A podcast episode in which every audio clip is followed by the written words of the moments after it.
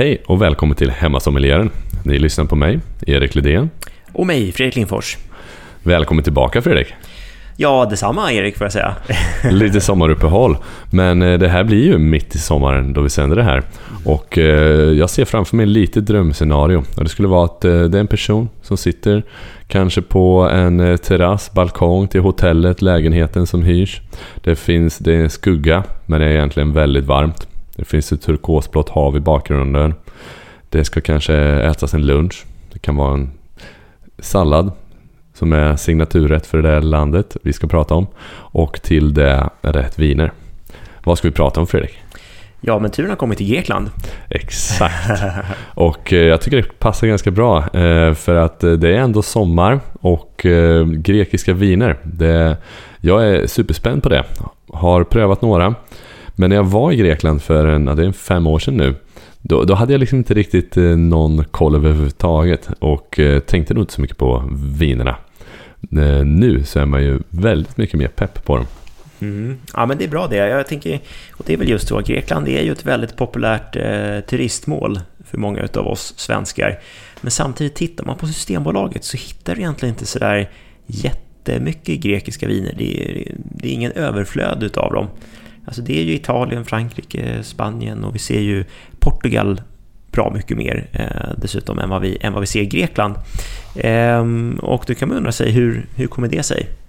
Det, det, är väl kanske lite grann som man säger också att eh, språket är rena grekiskan och vinerna kanske är rena grekiskan också. Det kanske, kanske är svårt att förstå sig på eh, de där vinerna. Tittar man på dem så är det också generellt sett det är knepiga ursprung, eh, det är svåra druvnamn och, och det är kanske ingenting som man, man lägger på minnet direkt sådär, och jag tänker såklart inhemskt när man väl är Grekland, eh, då, då kan det ju stå på grekiska på etiketterna, så då kan det vara extremt svårt, även för den mest tränade sommelieren, att förstå vad det faktiskt står. Ja, för, jag, för jag eh, vet att du gillar grekiska viner. Jag är väldigt förtjust i grekiska viner, ska jag säga, och det är lite samma här, precis som jag pratat om Portugal också. Jag ser, jag ser en del likheter mellan Portugal och Grekland, och eh, det finns ju en lite sån här trendstämpel kan jag tycka också på Grekland. Men det ligger, det är en, lite mer bubblor skulle jag säga. Jag tror inte vi riktigt har kommit dit än. Men det som är fantastiskt med Grekland är just den här mångfalden utav väldigt intressanta inhemska druvsorter och uttryck som de faktiskt har. Så att det finns en hel del skatter där. Det är bara att vi måste bara se till att ta oss tiden och, och utforska det. Och det ska vi göra nu. Det är planen.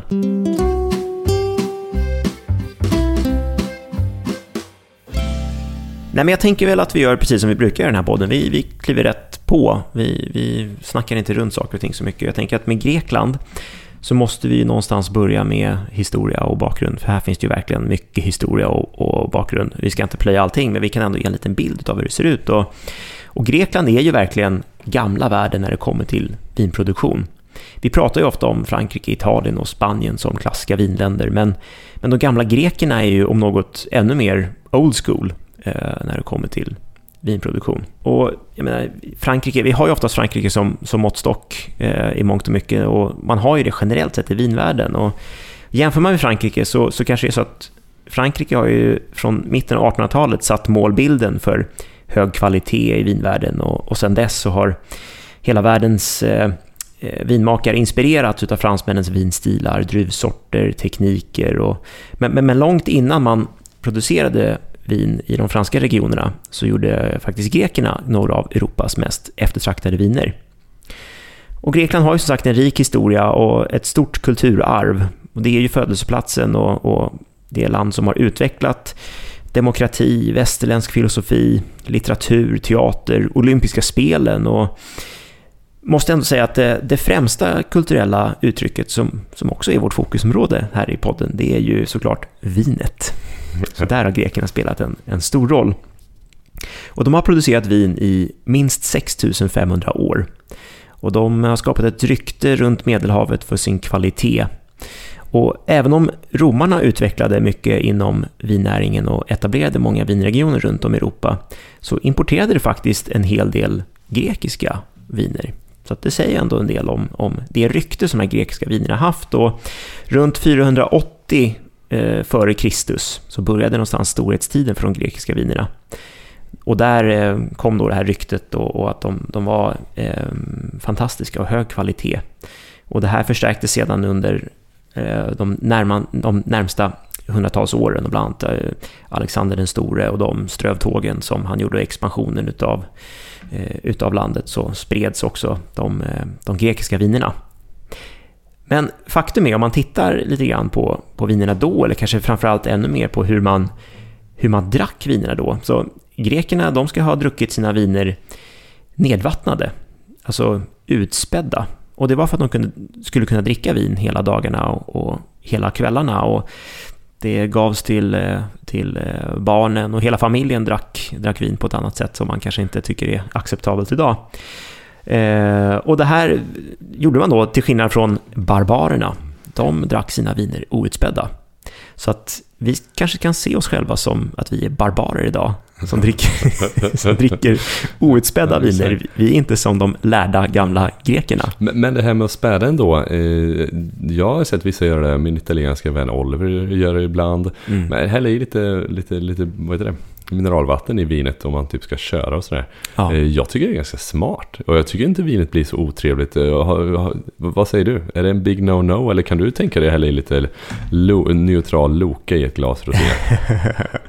jag vet inte Loka riktigt sådär, men, men jag kan förstå den här tanken med att vattna ner vin lite grann. Och, och sen vet jag Alltså det här är ju kanske inte okej okay, eller PK enligt våra svenska normer och sådär, men i, i, Frankrike runt om i Sydeuropa och så, där, så är det rätt vanligt att när man ska ge vin till barn att man vattnar ner vinerna rätt ordentligt. Och det är ju liksom deras första sätt att komma i kontakt med vinet som en, ja, men som en måltidsdryck. Och, och det är ju så vinet är ansett eh, i, i de vinproducerande länderna. Att det är, vin, drick, visst det är klart du kan dricka det enkomt också, men någonstans så fyller det sitt stora syfte i att para ihop med med mat. Det är en stor del och en viktig del av måltiden. Så att, eh, och det är väl samma som jag tänker när vi dricker vår måltidsdryck här hemma. Vi vattnar ju ner svartvinbärssaft och päronsaft och sådana saker också. Så att man kanske kan se att en del viner är som ett koncentrat som kanske behövs vattnas lite grann. Men jag vet inte, jag, och jag kanske är en barbar innerst inne. Men jag gillar när vinerna är uh, outspädda. Sen ska jag säga så här, på sommaren när det är kokett ute och man tar fram roset och det är kanske lite varmt. Alltså det, man kan slänga i ett par isbitar. Det, Just det, då blir det lagom mängd vatten liksom. Ja, mm. ja och jag tycker framförallt det, det är för att få ner temperaturen eh, i så fall som jag tycker är, är nyckeln. Och visst, ja, då kan du ju få ner eh, alkoholen lite grann också om du vattnar ur lite grann. Så att, och det är kanske är bra på sommaren när det är, är smället och, och, och, alkoholen kanske slår lite lättare. Vem vet, men, men överlag så kanske ingenting som jag sådär förespråkar. Sen hoppar vi ganska ordentligt i tiden och någonstans så startar den moderna eran för Grekland på 1820-talet och då Grekland förkunnar sin självständighet ifrån Ottomanska riket. Men från andra världskriget så led landet av ett eh, militärt diktatorskap och eh, inbördeskrig och Grekland blir demokratiskt styrt först i mitten av 70-talet. Och det ekonomiska läget som man hade från den här tiden då med, med många statsanställda, låga löner, skatteflykt och om, omfattande svartmarknad och utbredd korruption i landet så, så har Grekland varit eh, det fattigaste EU-landet ända in på, på 2000-talet och, och, allt det här har ju såklart satt sin prägel på vinerna som har producerats i landet också. Och till stor del så har man ju då fokuserat på att producera eh, volymviner och, och inte de här extraordinära toppvinerna med, med unika uttryck, utan det var mer producera volym för att kunna tillgodose en, en marknad då så att säga. Och likt många andra under, under den här eran under 80-90-talet och tidigt 2000-tal så, så jagade man det här liksom internationella erkännandet och göra mycket som många andra gjorde och då gällde ju druvsorter som Cabernet Sauvignon, och Merlot, Syrah, Chardonnay som man hittar ganska frekvent i, i Grekland också. Och antingen så var det endruvsviner eller så hittade man dem i, i blends för att backa upp de, eh, de inhemska druvsorterna. Men någonstans det som, det som är det intressanta, alltså vi, man letar ju kanske inte efter å, ytterligare en Cabernet Sauvignon eller ytterligare en Chardonnay, för det, det finns överallt. Det intressanta med Grekland, det är just deras egna druvsorter och de unika uttrycken från specifika regioner som finns härifrån. Och de har väldigt många olika sorter va? Extremt mycket. Det finns väldigt, väldigt många. Ehm, och tittar man också till, till hur stort Grekland är i, i produktion. Så det, alltså det, är inget, det är inget jätteland, utan det är, ehm, de ligger på 17 plats av de länder som producerar mest vin i hela världen. Och de lägger sig precis efter Nya Zeeland, men eh, före Österrike. Och eh, även om Grekland har producerat vin länge så skulle det dröja ända fram till 1850-talet innan de här första större vinerierna etablerades. Vi pratade någonstans om att man producerat vin i 6500 år, men, men i början så var det ju mycket småskaligt helt enkelt. Ehm, och eh, sen skulle det dessutom dröja ända in till 1970-talet innan Grekland skapade sina första officiella regelverk som också ursprungs skyddar sina viner. På samma sätt som, återigen, jämför med Frankrike, det är ju det fransmännen har varit väldigt duktiga på, att eh, sätta ursprungsskydd på områden och också bestämma ett visst regelverk om, om vad som gäller där med, med druvsorter och, och vad det ska vara för jordmånstyp och vinmakenteknik och vilken stil på vin eh, som man gör. Så sånt här är ju också väldigt avgörande för att skapa en, en, en hög kvalitet så att säga för ett, för ett område eller en, eller en druvsort. Och då kommer vi lite grann till den här frågan som man som, ja, ligger och gror hos en och det är så här, ja, men vad är det som lockar med grekiska viner idag? Vad, vad har du för erfarenhet av grekiska viner, Erik? Nej men vad har jag egentligen? Alltså, jag har en trevlig erfarenhet från förra året då eh, vår bekantskap var ganska ny och, och, och du rekommenderade en Assyrtiko mm. som vi drack på västkusten som mm. var toppen. Eh, men annars är det liksom att man eh, associerar Grekland. Jag har bara varit i Grekland en gång men det var en otroligt härlig semester. Att eh, det är här, jag vet inte, det finns någon frihetskänsla i, i det här. Alltså de här härliga öarna, vattnet, de oplanerade dagarna, enkla luncherna med grekisk sallad, liksom. man kan käka samma sak varje dag. Men att det, ja, men jag, jag skulle vilja ha lite bra grekiska viner utöver en vita syrtiko liksom och, mm. och, och, våga mig på. Mm. Eh, så, ja, men kanske få in lite mer grekiska viner i, i min grillrepertoar. Mm. Liksom. Men jag har ingen aning vart jag ska börja ens. Typ hitta ett rött grekiskt känns, mm. ja, jag höll på att säga rena grekiska, men liksom ja. svårt. Och en gamble tror jag, mm, mm. väldigt mycket. Jag menar, Exakt, hur vet jag vad som är bra kvalitet och inte? Ja. Det är svårt eh, och jag kan också tycka att Grekland fortfarande är ganska snårigt eh, när det gäller att hitta viner. Och nu hade jag förmånen för ett par år sedan att eh, resa runt i Grekland eh, tillsammans med Grekiska sommelierföreningen eh, och besöka många av regionerna, prova mycket vin eh, och besöka producenter. Och det var fantastiskt. Det var, det var en verklig ögonöppnare för vad Grekland är och jag tror jag kanske hade en ganska förutfattad mening om, om vad grekiska viner är och kan vara innan den resan och, och mycket lyftes eh, och man var väldigt fascinerad över liksom vad som händer och lite där, som inne på också, var de kommer ifrån och hur eh, situationen ser ut. Och, och vad imponerades du av mest?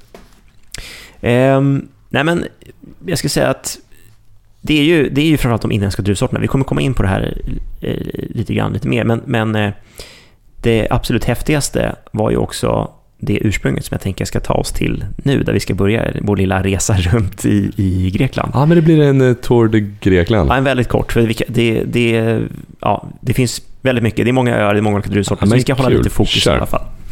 Jag tänker att vi ska börja på Santorini. Eh, det, det, om du frågar mig... Mamma Mia. ja, så är det det mest intressanta ursprunget eh, i, på hela Grekland. Och här är det vita viner framför allt som gäller.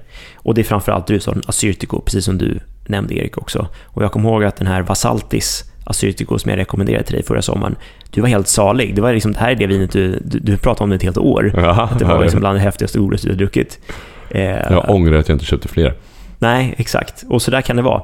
Eh, och det blir ju sådär, vad härligt att det är så. Eh, att det är en sån snackis. Och, och som sagt, det är, Santorini är ingen liten, eller det är ingen stor ö. Eh, utan, utan det är en, en, eh, liten vulkanö som ligger precis söder om Ios. Och eh, totalt så har ön bara 1500 hektar vingårdar planterade. Och här gör man, det finns 40 olika druvsorter planterade på Santorini. Så det är ju det är mycket på en sån liten ö. Och det, det är återigen det jag säger, det här snåriga med, med Grekland. Men då är det okej. Okay. Fokus Assyrtiko. Det är kungen av druvor. Jag skulle säga att det här är, det är liksom kungen av druvor från hela Grekland. Är det den typ släkt med Chardonnay eller är det en helt egen eh, linje Ja, druvor? helt egen. Här ska Ja. vi inte blanda in Nej, Chardonnay. nej. Det är en helt annan, helt annan eh, stil. Nej men det ger Och också en viss autenticitet. autenticitet. Exakt, ja men det är ju det. Och, och det är precis det jag säger, det viktiga är någonstans att man hittar de här unika uttrycken i egna druvsorterna som, som är helt annorlunda. Det här är inte som ytterligare en Chardonnay. Och Santorini då, så, men vad är det som är så himla speciellt med den? Ja, men som jag sa, det är, det är, en, eh, det är en aktiv vulkanö. Eh, dessutom, ganska häftigt. Det är ju otroligt vackert att resa runt eh, på Santorini också. Den har den här typiska eh, grekiska husen, vita husen och lite blåa tak och det är vackra färger och det är havet och det är, ja, men det är på många öar, men det är jättehäftigt där också. Eh, men jordmånen då blir ju såklart väldigt specifik här. Det är sandlika jordmånar med lager utav aska, lava, pimpsten, kalksten och skiffer. Och väldigt karga eh, jordar. Klimatet här är, det är soligt och torrt eh, och sen är det dessutom rejält blåsigt. Eh, och det, det berättade när vi, vi flög ifrån Aten till eh, Santorini för att besöka ön med, med grekiska sommelierföreningen. Och då flög vi med Aegean Airlines, alltså den, den inhemska grekiska eh, flygbolaget. och de säger det att det är tydligen inflygningen till, till många av de här öarna och Santorini bland annat där det är superblåsigt. Eh, så piloterna måste vara extremt fokuserade och, och väldigt liksom, väl utbildade och tränade på, på vad de gör för att kunna klara av de här inflygningarna. Så många av de som är kommersiella piloter idag är tidigare eh, stridspiloter i grekiska flygvapnet för att de ska kunna klara av inflygningarna. Och vi hade en otroligt skakig inflygning. Det var sådär, man tänkte så här, "Åh, herregud, eh, ner kommer ju alltid, men hur, hur hårt kommer vi landa? Men det gick väldigt bra. Eh, men, men det var en blåsig upplevelse. Man fattar att okej, vind är också en väldigt stor faktor här på ön. Eh, och det gör faktiskt en, en ganska unik sak med, med druvorna. Så det tvingar faktiskt vinmakerna att eh, binda, man, säger att man binder upp vinrankor, men de får ju binda ner vinrankor till, alltså det blir som korgar skulle man kunna säga. Så att de är väldigt, väldigt lågt bundna eh, rankor som blir som en, ja, men en rund korg helt enkelt som, som, eh, Som skyddar lite från vinden. Ja, precis. Och de kallar det här för kolora, är det namnet på de här korgarna då så att säga. Och eh, det ska skydda, skydda emot vinden och framförallt det blir så här sandstormar och det kan eh, förstöra druvorna. Så att då, eh, druvorna kommer ju ligga på insidan utav den här korgen då så att säga och mogna och ligger typ mer eller mindre mot, mot marken och korgen skyddar också mot den här eh, starka solljuset. Så att det har en, en dubbel bra märkelse. Så det här är jätte, jätteunikt. Och sen är det ju som det är på vulkaniska jordmånar. Det är ju, det är ju alldeles mörk, Mm. grå, svartaktig jordmån. Eh, vilket är väldigt häftigt det också. Så att man förstår ju att det är någonting unikt. Och, och dessutom så har ju vinlusen som vi pratat om tidigare, som mer eller mindre ödelade hela vinproduktionen i Europa under sent 1800-tal och tidigt 1900-tal, den, den eh, har aldrig tagit sig till Sant- Santorini. Så att här pratar vi om oympade eh, rankor som står på sina Häftigt. egna rotstockar. Jättehäftigt. Och många är riktigt, riktigt gamla. Och eh, gamla vinrankor gör ju också ett säreget uttryck i vinerna. Det ökar liksom, koncentrationen i druvorna. De, de, eh, men de blir, äldre vinrankor är lite grann som, som eh, vad ska man säga, som människor också. De, de är äldre och visare. De springer inte och, och, och jagar allting, utan de fokuserar på, på en sak. Och i det här fallet så handlar det om kvalitet. Och eh, ja, på grund av de här förutsättningarna då med, med gamla rankor och karga jordar och det här vulkaniska uttrycket då, så, så blir skördeuttagen riktigt låga och den generella kvaliteten är väldigt hög. Så det innebär att när du ska leta efter Assyrtiko för Santorini så måste du alltid betala en slant. Det, det blir liksom inga billiga viner. Utan du kanske börjar någonstans runt ja men, 200 kronor. Det kanske kan gå lite under, men då är det verkligen det där det börjar. Och, och sen är det ju uppåt. Ja, för det, det undrar jag lite då, två, två frågor på det. För dels om det bara är 1500 hektar. Mm. Vad har man för skördeuttag på det? Hur mycket vin kan det bli? För det måste ju finnas ett ganska tydligt cap hur många flaskor det kommer produceras i Santorini Mm, per år. Mm. På en hektar, hur många flaskor vin får man? Ehm, ja, då måste man ju vara matematiker för att räkna ut det där, men någonstans mellan 20 och 30 hektoliter per hektar. Okej, och hur mycket är en hektoliter då? Är det... 100 100 liter. Aha, 20, okej det är så pass Mm, ändå. så det är väldigt lågt. Ja, men och det är jättelågt, det kan jag säga. Alltså, Ja, ett, men ändå, då är det 3000 liter vin per hektar gånger 1500. Det är, ja, det är 4,5 miljoner liter vin. Kan du, nej, det måste bli fel. för en hel ö, ja. Ja, Ja, det är inte omöjligt. Alltså, en stor, en stor producent, eller en, en, en, eh, en, sorts medelstor producent kan ju producera en miljon, två miljoner flaskor. Okej. Alltså om det är i, i många andra regioner. okej. Och sen ska jag säga att så här, jag menar, ett skördeuttag på 80, 90, 100 hektoliter per hektar, det är inte ovanligt heller. Okej, så här ligger du lägre på grund av du det kärva klimatet liksom. Du Men, men om man tänker då Santorini, skulle man kunna liksom, finns det något Santorinis DRC? Kan man, om man idag skulle man kunna köpa någon riktigt dyr, fin Assyrtiko, Mm. verkligen topp, topp, topp och sen bara sitta på den. För att det det här kommer ju Santorini, det känns ju som att det kommer fortsätta locka. Och det kommer inte bli billigare. Kan, Ja. man, kan man vara lite smartare? Eller tål de inte lagring, sådana här? Jo, det gör de absolut. Eh, det finns, sen finns det en, eh, det finns väl några riktigt framstående producenter här. Alltså en, en bra producent som, som jag tipsade dig om också är Vasalti, så det är en lite mer yngre up and coming som håller på med mycket coola grejer. Eh, vi ska prova lite senare här ett, ehm, eh, en Assyrtiko från Argyros. Sigalas är också en sån här klassiker. Men det finns ju en kanske riktig kultproducent eh, ifrån Santorini. Och det är Hatsidakis. Eh, och eh, tyvärr, grundaren Hatsidakis, han dog här 2017 tror jag, bara 50 år gammal. Men eh, hans viner är helt, eller var, nu familjen fortsätter göra dem, men, och de är fortfarande otroligt bra. Men han var mycket pionjären och som satte Santorini på kartan och såg till att de här vinerna kom ut på restauranger runt om i, i världen och att det blev lite skriverier och att det blev lite hype kring Santorini.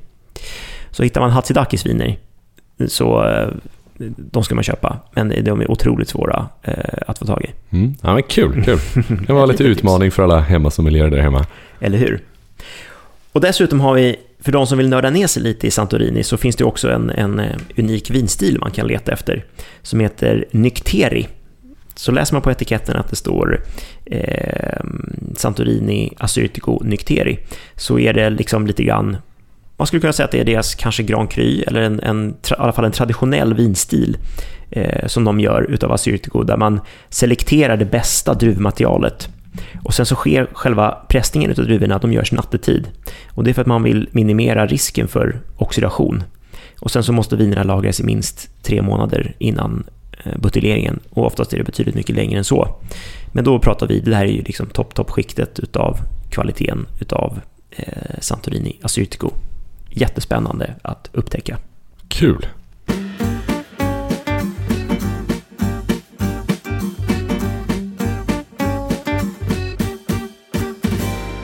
Om vi sen reser vidare i Grekland så hittar man regionen Nausa.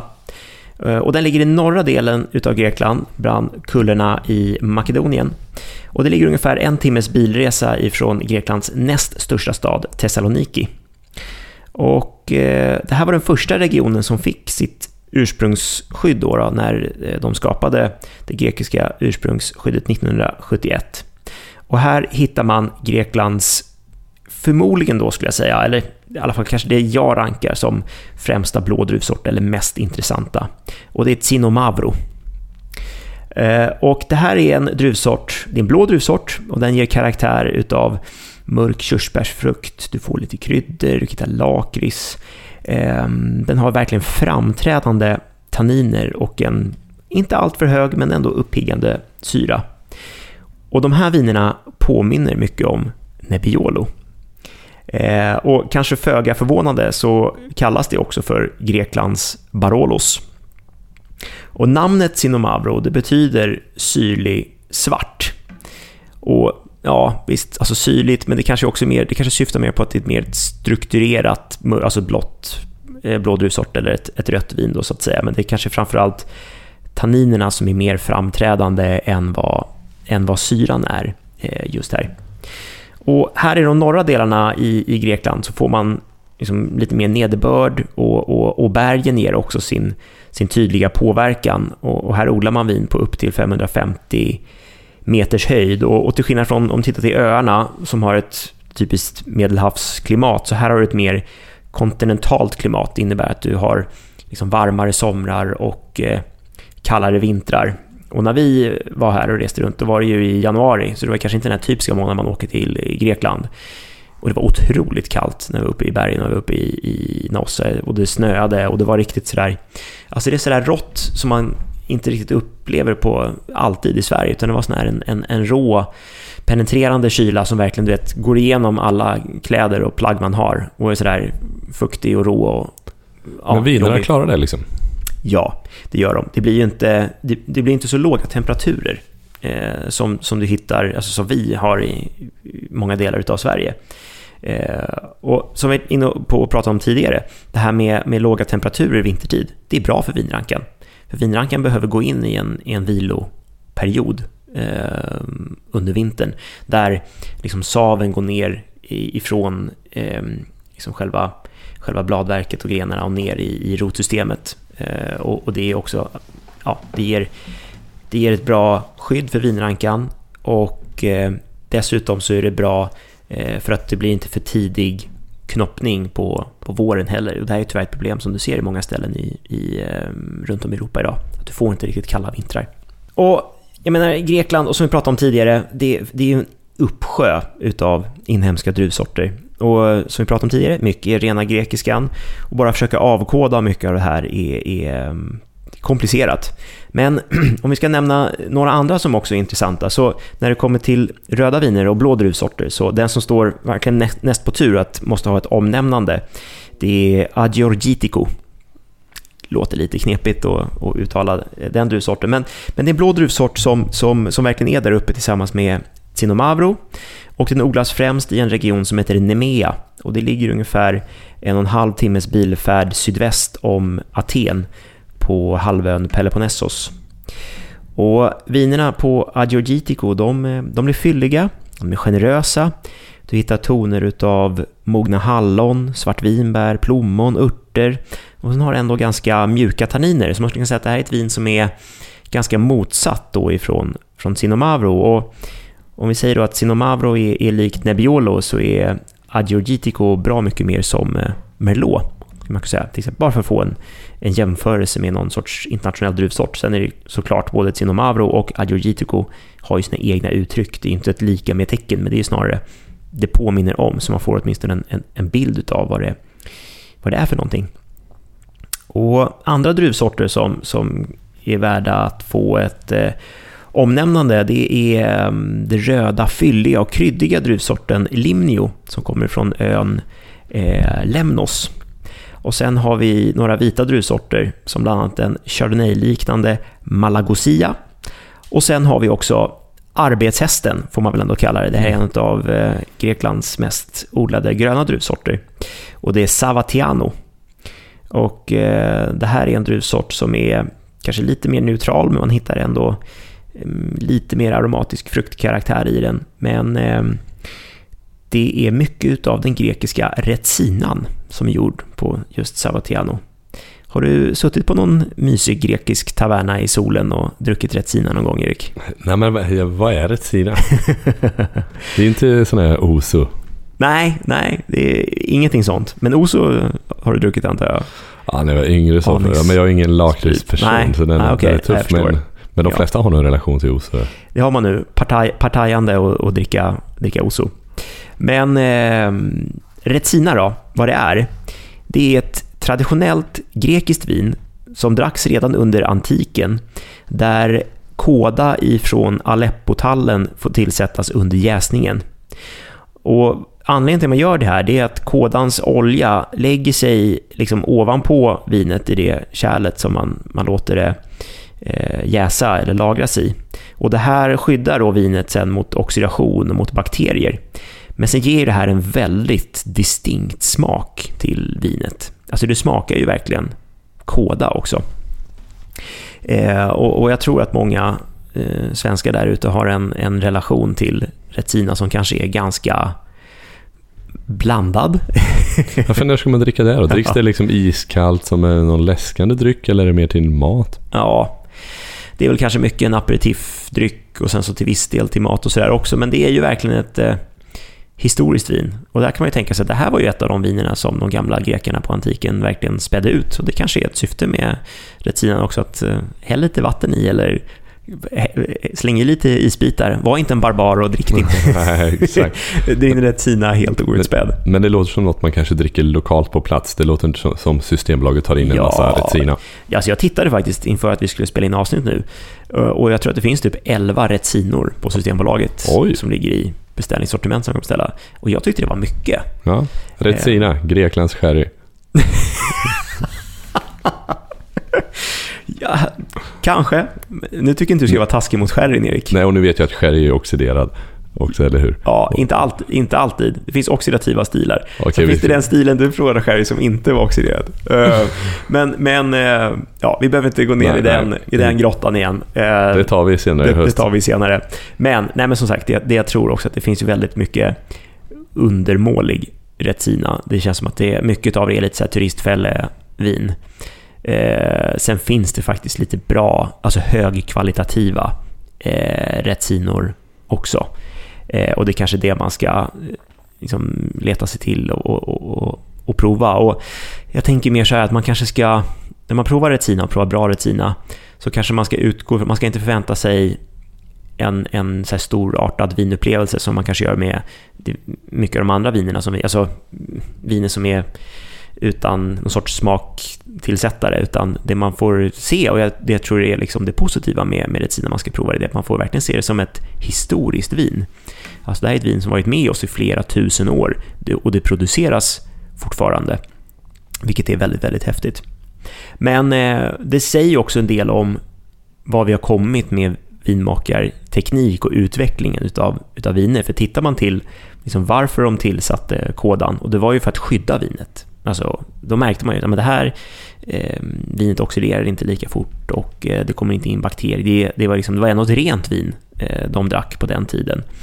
Idag skulle en modern vinmakare tillsätta lite svavel och då slipper du både oxidation och bakterier på det sättet och du får inga eh, bismaker som uppstår. Men det gjorde man ju inte på den tiden, så då var det då helt enkelt den här kådan som fick eh, göra jobbet istället.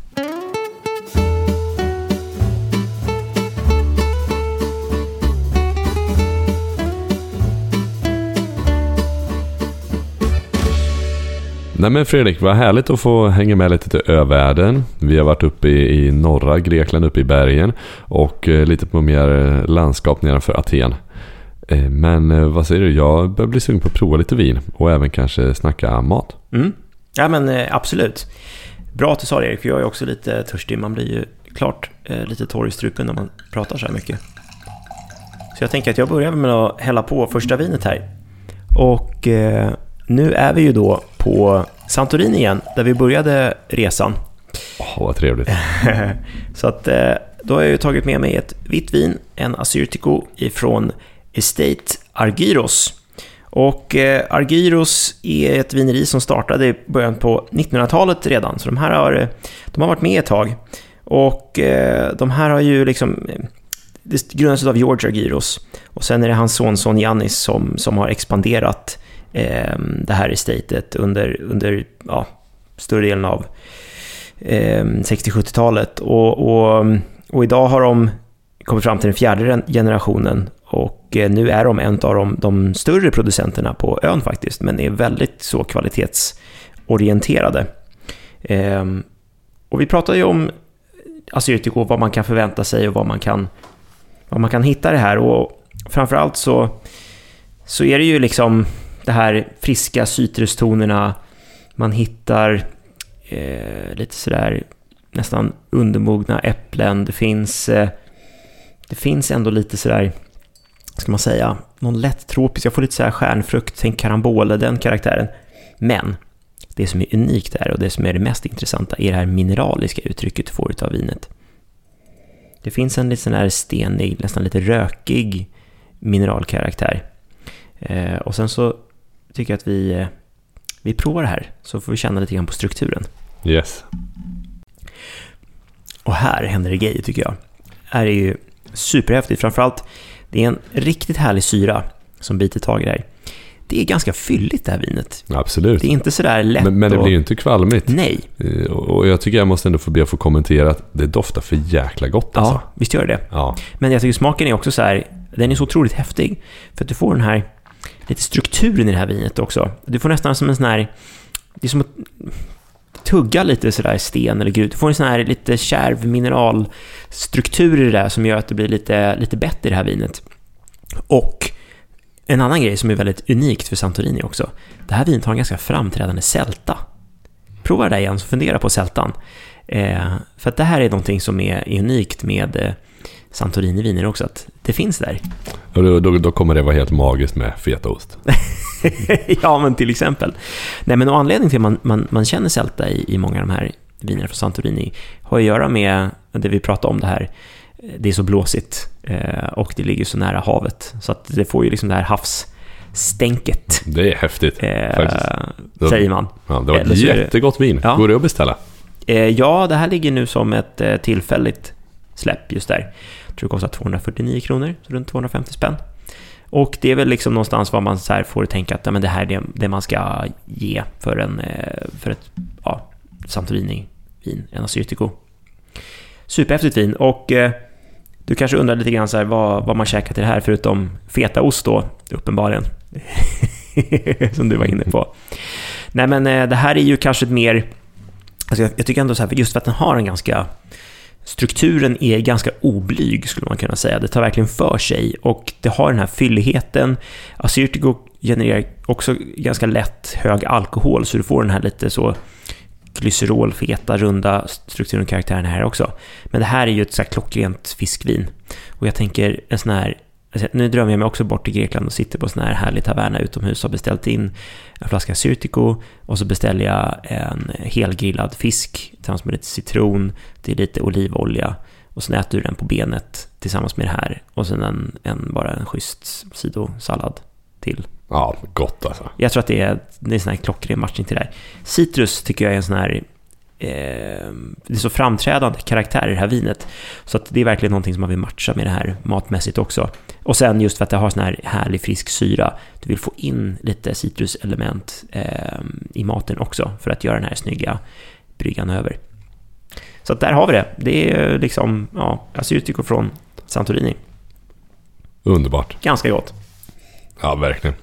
Vi kan ju eh, segla vidare på nästa vin. Och eh, nu kommer ett rött vin. Och eh, nu är vi uppe i, i bergen, där vi var tidigare, uppe i Naossa.